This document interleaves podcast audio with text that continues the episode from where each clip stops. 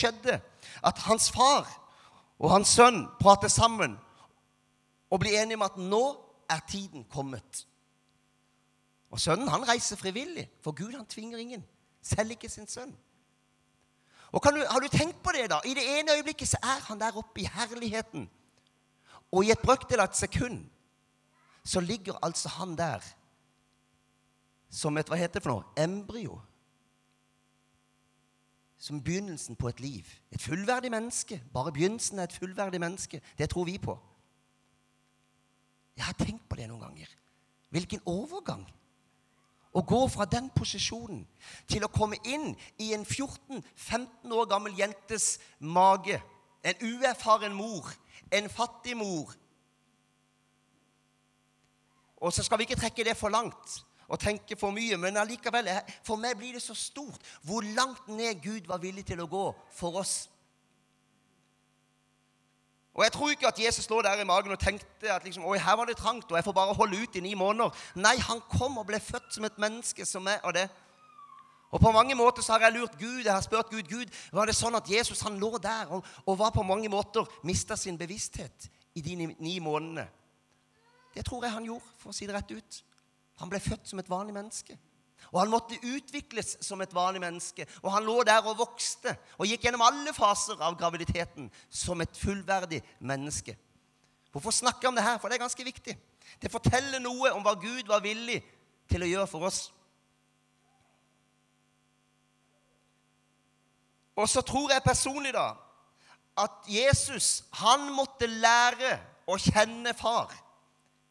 Og jeg, jeg, tror han lærte det tidlig, for vi vet allerede i tempelet som tolv år gammel gutt så hadde han dyp innsikt. Så han hadde Den hellige ånd selvfølgelig i seg. Men jeg tror at han måtte lære allerede som liten, liten gutt. Så lærte han sin far å kjenne gjennom å lese Skriften og gjennom å be og være med Gud. Og så utvikla han forståelsen av at det, det kom til han i hans indre 'Jeg er Guds sønn'. Og Maria, hans mor, har sikkert sagt det til ham ganske mange ganger.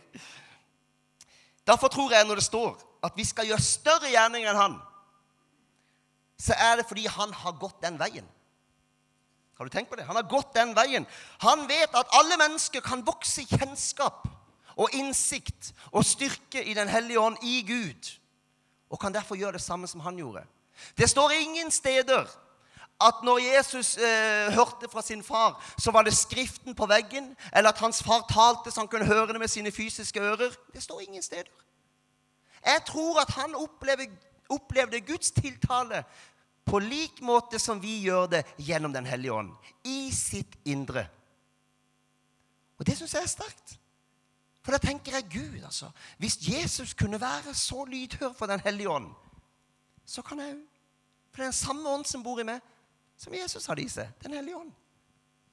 Han måtte vokse i kjennskap og kunnskap. Vi har så lett for å tenke at han på en måte ble utrusta og var født på en måte med full åpenbaring og full forståelse. Det tror jeg ikke. For han var født som et menneske. Og jeg syns det er sterkt å tenke på, selv om du kanskje syns det blir banalt, at Gudesønnen Jesus Kristus, prinsen, fyrsten over alle, nedverdiger seg til å komme ned og bli et lite barn, hjelpeløst, forsvarsløst, i en ung jentes armer, i en stall, under dårlige forhold, usikre omstendigheter. Og han måtte ammes, og han måtte skiftes på. Du har kanskje ikke tenkt på det, men det måtte han. Det var han villig til. Å gå derifra og ned dit at man, må på en måte, at man ikke kan klare seg sjøl. Måtte tas hånd om av mennesker. Det er sterkt, syns jeg. Det sier noe om Guds kjærlighet for oss. Den enorme planen om å vinne oss tilbake, den gikk så dypt. Han kunne jo steget ned, kommet flyvende ned som den han var, som den prinsen han var. Men han måtte bli et menneske og måtte dø på korset. Han kunne ikke sont våre synder, tror jeg, hvis han ikke ble og ble født som menneske og gjennomlevde livet sånn som vi opplever livet. Henger du med meg? Nei, du gjør ikke det. Jo, du gjør det.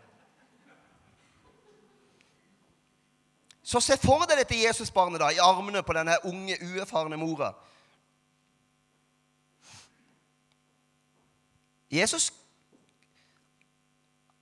han kommuniserte med sin far men plutselig er han så liten at han kan ikke snakke engang. Et spedbarn. Og han måtte skrike når han var sulten, og skrike når han var tørst og måtte sove. Det er rart å tenke på, men det gjør meg veldig ydmyk i forhold til Gud. Hva han var villig til å gjøre.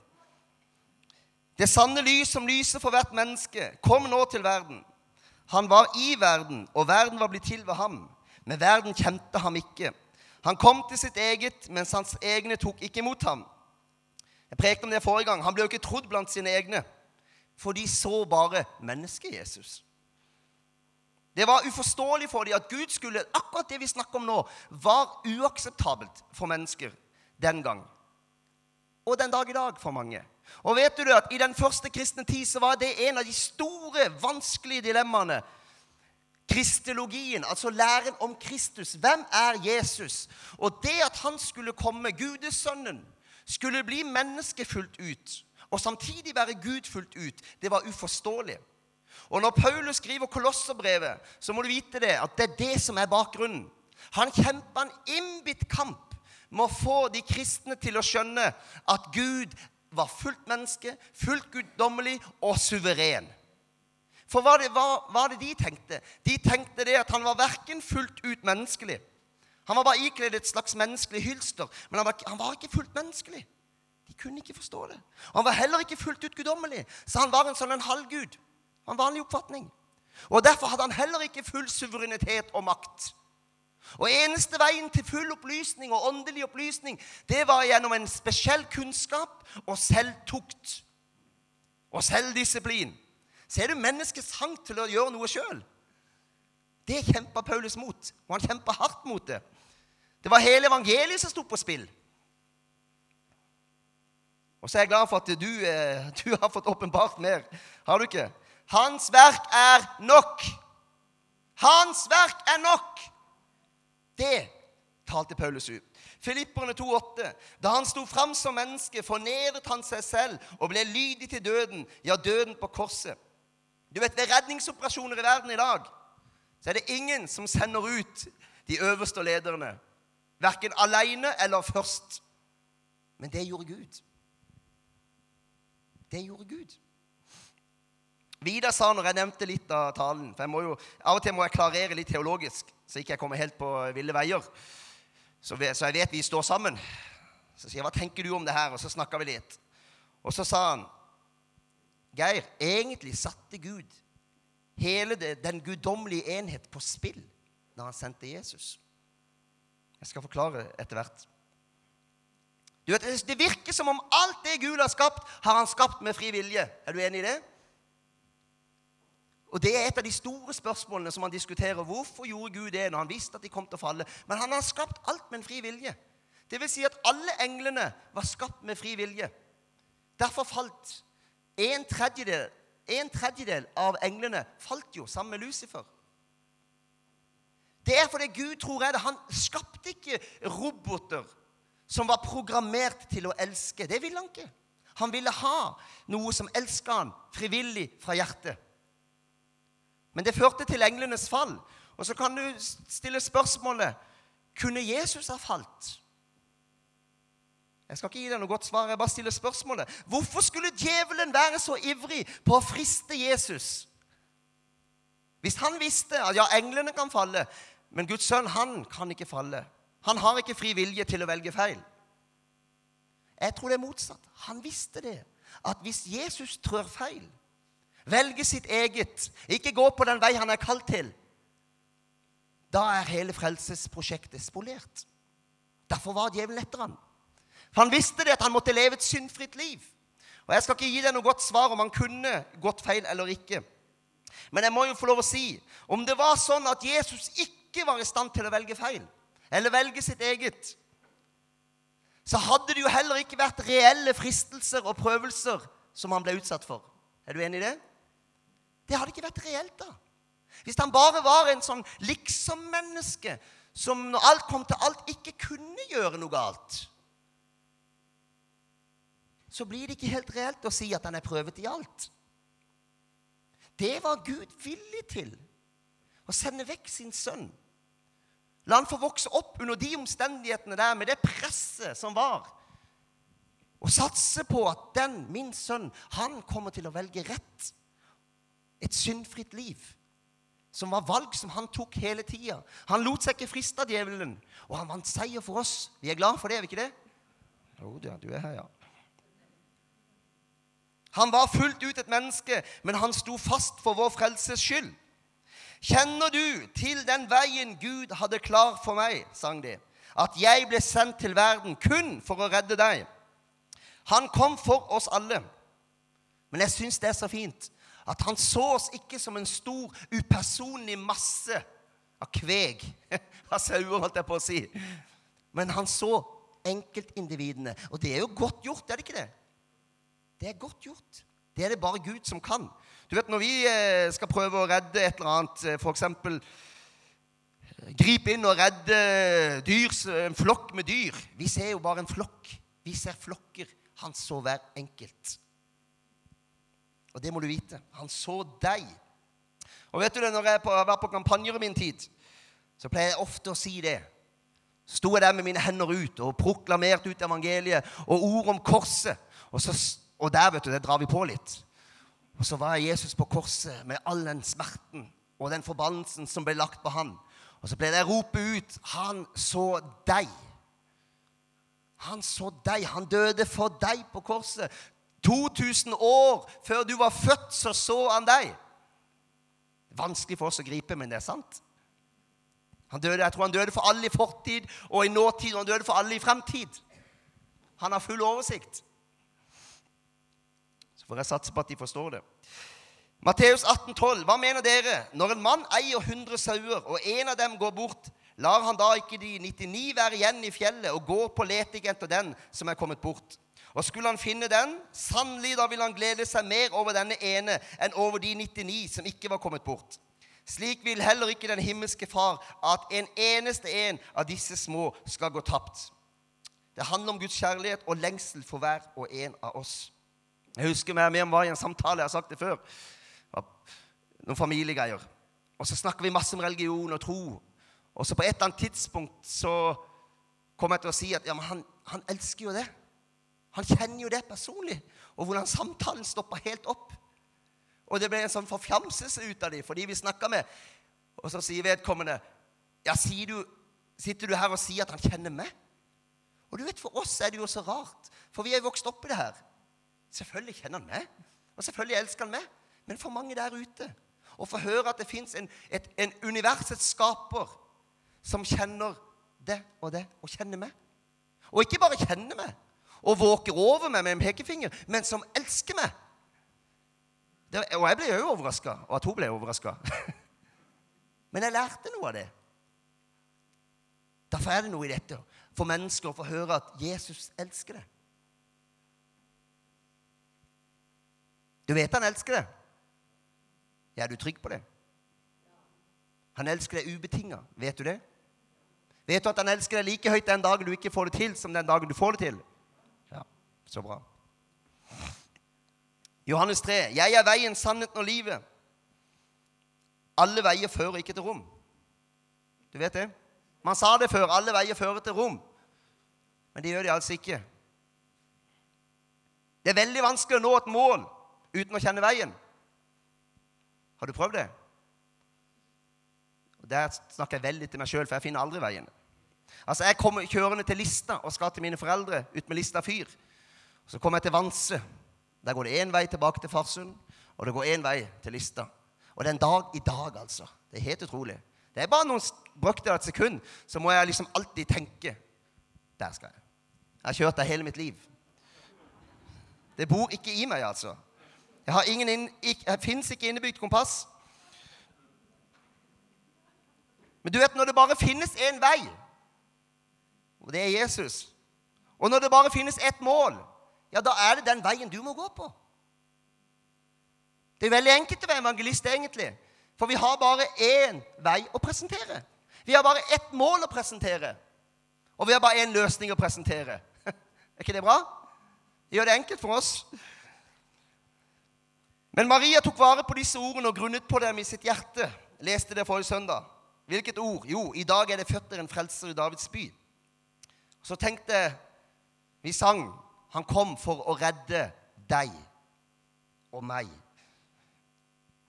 Og Hvis du ikke tar de ordene til deg, men det blir en objektiv sannhet, så gjør du iallfall ikke som Maria gjorde. Hun tok vare på ordene og grunnet på det i sitt hjerte. De ble hennes ord.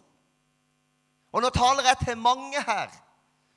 Og det er lett å tenke ja, ja, så fint for han og fint for han. Men jeg holdt på å si, det er bare én gang i livet du får lov å være litt selvisk. Det er ikke bra å være egosentrisk, er det det?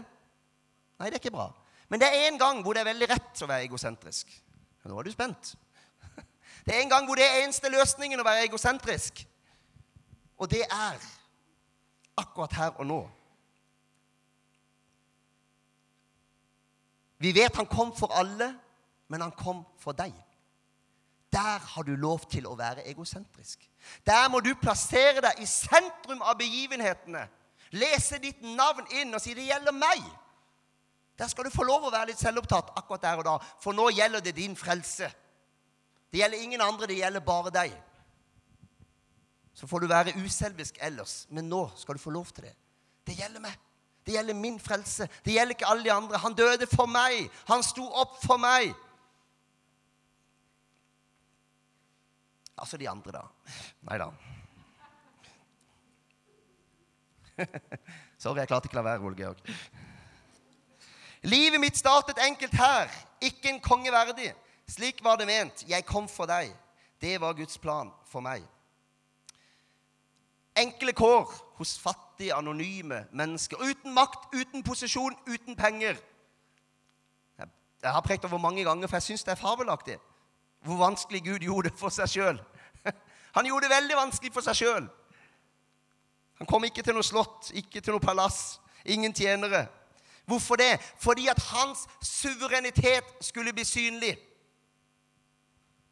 For å demonstrere tjenerskap og ydmykhet. Han kom for å bøye seg ned. Se min tjener som jeg har utvalgt, den elskede. I ham har jeg min glede. Han kom for alle, og de fleste bor jo altså ikke i palass. Småbruk, ja, men ikke palass. Og de aller fleste er heller ikke høyt på strå i, i, denne verden. De aller fleste i denne verden er fattige. Du vet det. Vi er jo de som lever i palass, globalt sett. Det er vi som er de rike. Men de aller fleste de lever der nede under enkle kår. Derfor måtte han komme der hvor de fleste var.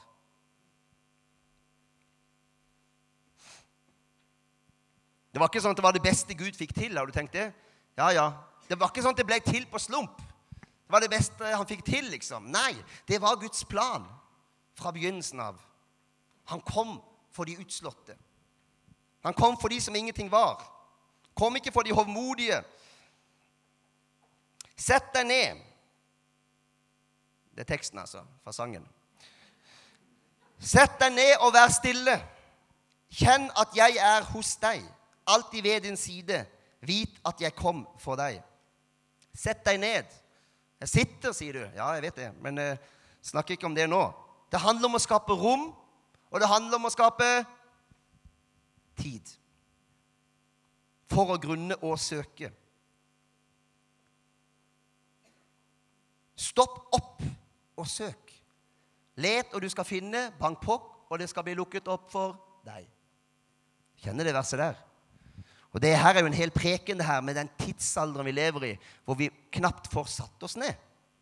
Hvor vi knapt får søkt, hvor vi knapt får kjenne på noe. Og Miriam var jo fremme her på søndag og fortalte om når vi hadde bønnemøte der inne før møtet. Og vi ba så det kosta, vet du. Kjent stil. Proklamerte, og det ble et flott møte. Og så var det som om Ånden sa til henne eh, Sett deg ned og vær stille. var det ikke sånn? Så gjorde hun det, da, selv om vi andre kjør, kjørte på. da. Og så kom ordene. Og Så presenterte hun de på møtet. Så var de 100% i tråd med alt annet som kom. Åndens ledelse. Det krever faktisk at vi setter oss litt ned og er litt stille. Kjenn at jeg er hos deg. Du har en veldig fin oppbygning her, Anita. Jeg tror kanskje du har fått det fra Gud, altså. For det er veldig rett, det du skriver. For først må du nesten sette deg ned og være stille. Så kan du kjenne Hvis du aldri setter deg ned, og hvis du ikke søker han, så kan du heller ikke kjenne han. Er det ikke sånn? Smak og kjenn at Herren er god. Du må vite hvor du skal smake henne. Da må du sette den ned. Så må du søke, og så må du finne, og så må du få taket på det. Da kan du kjenne at den er god. Hva mer har du skrevet, Anita? Kjenn at jeg er hos deg, alltid ved din side. Hvit. Veldig fin oppbygging. Én, to, tre. Nummer én sett deg ned, vær stille. Nummer to kjenn. Hva vil det si? Jo, erfar. Hva er det? Det er det vi snakker om. Det personlige gudslivet. Jeg kjenner han. Jeg har møtt han personlig. Og så nummer tre, Anita. Åpenbaring. Hvit. Når du har gjort disse tingene, du har satt deg ned, du har fått et møte med han, så kommer viten, åpenbaringen om hvem han er. Og at han elsker deg. Og at han døde for deg. Og hele evangeliet. Det kommer etter hvert. Men det går i den rekkefølgen der.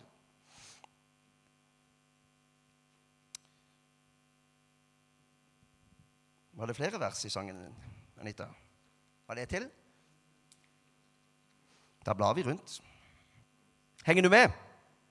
Jeg ser ditt strev, din uro, alt det som tynger deg, og om du kunne fatte hvor høyt jeg elsker deg. Og nå skal du få tre bibelvers. Det står 'legg vind' på opplesning av Skriften. Kraften bor i ordet. Så nå skal jeg bare la det få lov å tale. Kom til meg, alle dere som strever og bærer tunge byrder, og jeg vil gi dere hvile. Matteus 11. Peters første brev 5-7. Kast all deres bekymring på ham, for han har omsorg for dere. Johannes 14, 27. Fred etterlater jeg dere, min fred gir jeg dere. Ikke den fred som verden gir. La ikke hjertet bli grepet av angst og motløshet. Og siste. Lukas 2, 14. Ære være Gud i det høyeste og fred på jorden, Guds velbehag blant mennesker. Da var vi i juleevangeliet. Velbehag. Hva er dette velbehaget? Og velbehag Og det tiltalte meg, tenker du. Det liker vi. Velbehag. Komfort. Nei.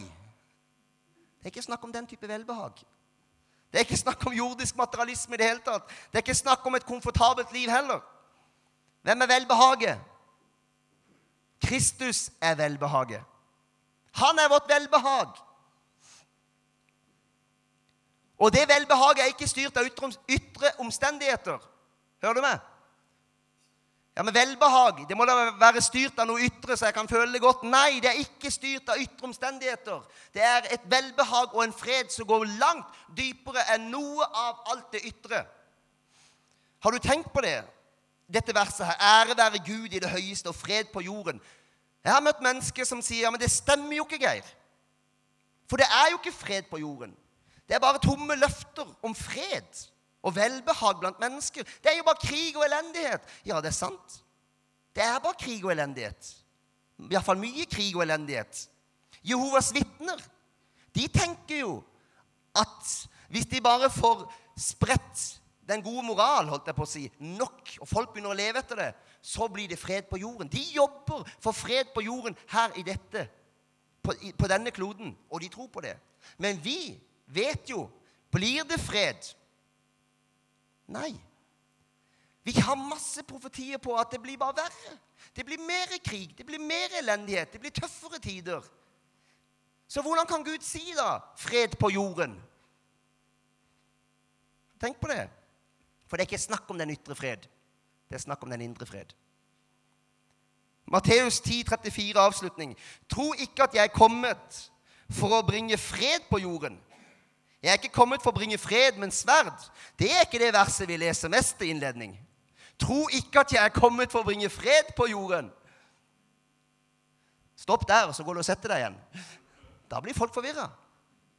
Han sier at sønn skal stå mot far, og datter skal stå mot mor, og svigerdatter mot svigermor. Ja, Det skjønner vi jo. Det er jo sånn det Men uh,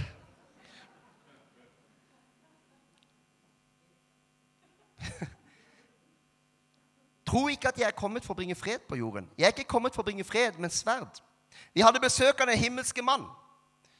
Og hva sa han? Han sa blant annet når du begynner å tørste etter Gud, virkelig tørste etter Gud, da oppstår mange problemer. Husker du han sa det? For da det, blir det kamp. Så tenkte jeg hvis du tar en soldat bort fra slagmarken og setter han i en blomstereng, da har han fred. og velbehag. Det er sikkert veldig behagelig, men han er ikke lenger virksom. Det er han ikke til hjelp lenger. Hva er det Jesus sier? Han sier faktisk at vi skal Det er veldig oppbyggelig, det her. Bare hold deg fast. Du kommer til å bli så glad. Han sier at vi skal står det henne? Han sier at vi skal bli forfulgt, ja. Og vi skal bli drept. Vi skal bli utlevert. Det er det Jesus sier. Det er ikke mye fred over det. Så vi skjønner det må være en helt annen type fred. Og jeg tror at et sterkt vitnesbyrd for verden, det er et gudsfolk som kan stå i tøffe tak. Og kan leve i en tøff verden hvor det er rykter om krig og alt mulig skjer. Og så ser de allikevel at vi er grunnfesta i noe som de kanskje ikke aner. Hvordan kan du være så rolig? Hvordan kan du ha denne freden? Hvor kommer den ifra? Da er det lett å si hvor det kommer ifra. Det er et vitnesbyrd. Jeg har blitt prøvd i alle ting for å kunne forstå deg. Slik var det ment. Jeg kom for deg. Det var min, min fars plan for meg. Vi har ikke en øverste prest som ikke kan ha medlidenhet med oss i vår svakhet, men en som er prøvet i alt, på samme måte som vi, men uten synd. Og jeg syns det er fint når det står 'medlidenhet med oss i vår svakhet'. Det i er veldig viktig for meg. Det kunne stått 'Han har medlidenhet med oss og med den elendige svakheten vår'. Medlidenhet med oss svake mennesker. Nei. Han har medlidenhet med oss i vår svakhet. Hvorfor det? Fordi han har sjøl erfart å vært menneske. Ja, når var Jesus svak? Var han svak noen gang? Kan du komme på det? Var Jesus svak? Getsemane, eksempel. Tenk på det her. Han visste hvorfor han kom. Han forlot herligheten. Han lå ni måneder i en mage. Gjennomlevde 33 år hvor han ikke ble trodd, ble latterliggjort, ble utstøtt. Han utholdt alt for denne store frelsesplanen. Og allikevel, når dagen kom i Getsemanehagen, Markus 14, 33, så står det Han ble grepet av angst og gru. Ikke gnu, men gru. Du kan få angst av å bli angrepet av en gnu, men det var ikke det. Han ble, ja, sorry. Han ble grepet. Ja. Da får jeg si som Paulus dette sier jeg av meg selv. Det kommer ikke fra Herren. Ja, det var teit.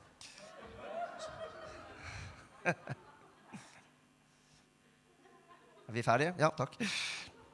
Han ble grepet av angst og gru, og han sa til dem Min sjel er tynget til døden av sorg. Det er den samme Jesus som sier, 'Bekymre dere ikke. Kast all bekymring på ham.' Han var også i stand til å komme i en posisjon hvor han bekymra seg.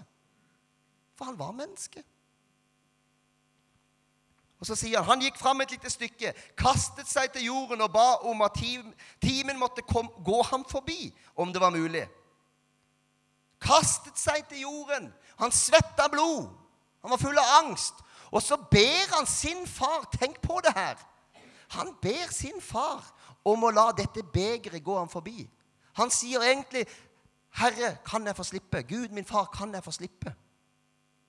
Det vil jeg si var på mange måter et svakt øyeblikk. Og han måtte trøstes av en engel. Og Gud så det og liksom 'Gabriel, Gabriel!' Gabriel han så at han trengte trøst og styrke. Han var et menneske. Det er viktig.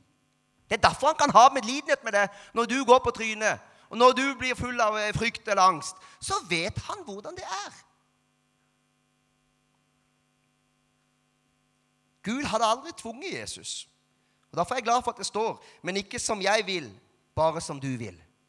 Så det var noe i det, noe i han der som liksom manna seg opp og sa 'OK, jeg vet jo hva hensikten med dette er, og jeg vil følge din vilje.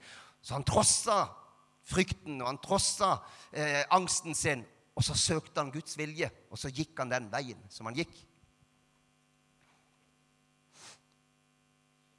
Jeg tror når vi får sterk åpenbaring om disse tingene, så vokser takknemligheten i vårt indre. Gjør det ikke?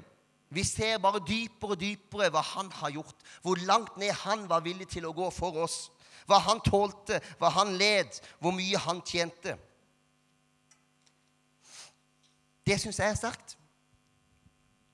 Så når du leser Skriften, så Spesielt når du leser ting du har lest så mange ganger før, så går det ofte veldig fort. Ja, den, de versene kan jeg jo. Og den historien kjenner jeg jo.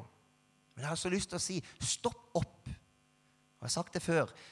Vær til stede i Skriften. Tillat deg sjøl, for jeg tror Gud kan virke gjennom det. Tillat deg sjøl å tenke liksom Hvordan må det ha vært? Hvordan var det for Jesus å være der? Hvordan var det Jeg er jo sånn at jeg tenker Hvordan var det for deg, Jesus, å ligge i den magen?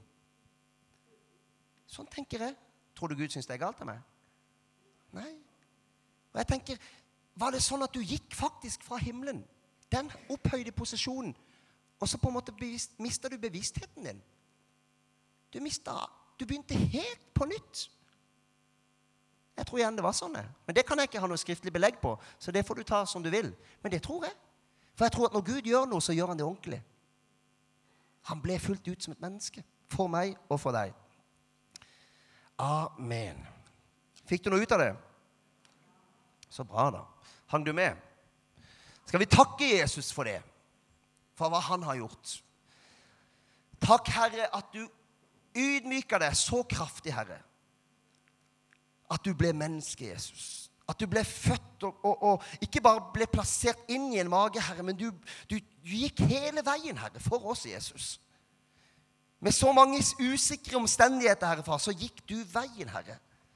Takk for at du er prøvet i alt, Jesus. Det er ikke en følelse vi har, eller en tanke vi har, Herre, som ikke du kan identifisere deg med, Herre. Du kjenner vårt hjerte og vår uro og vår, og vår angst, Herre.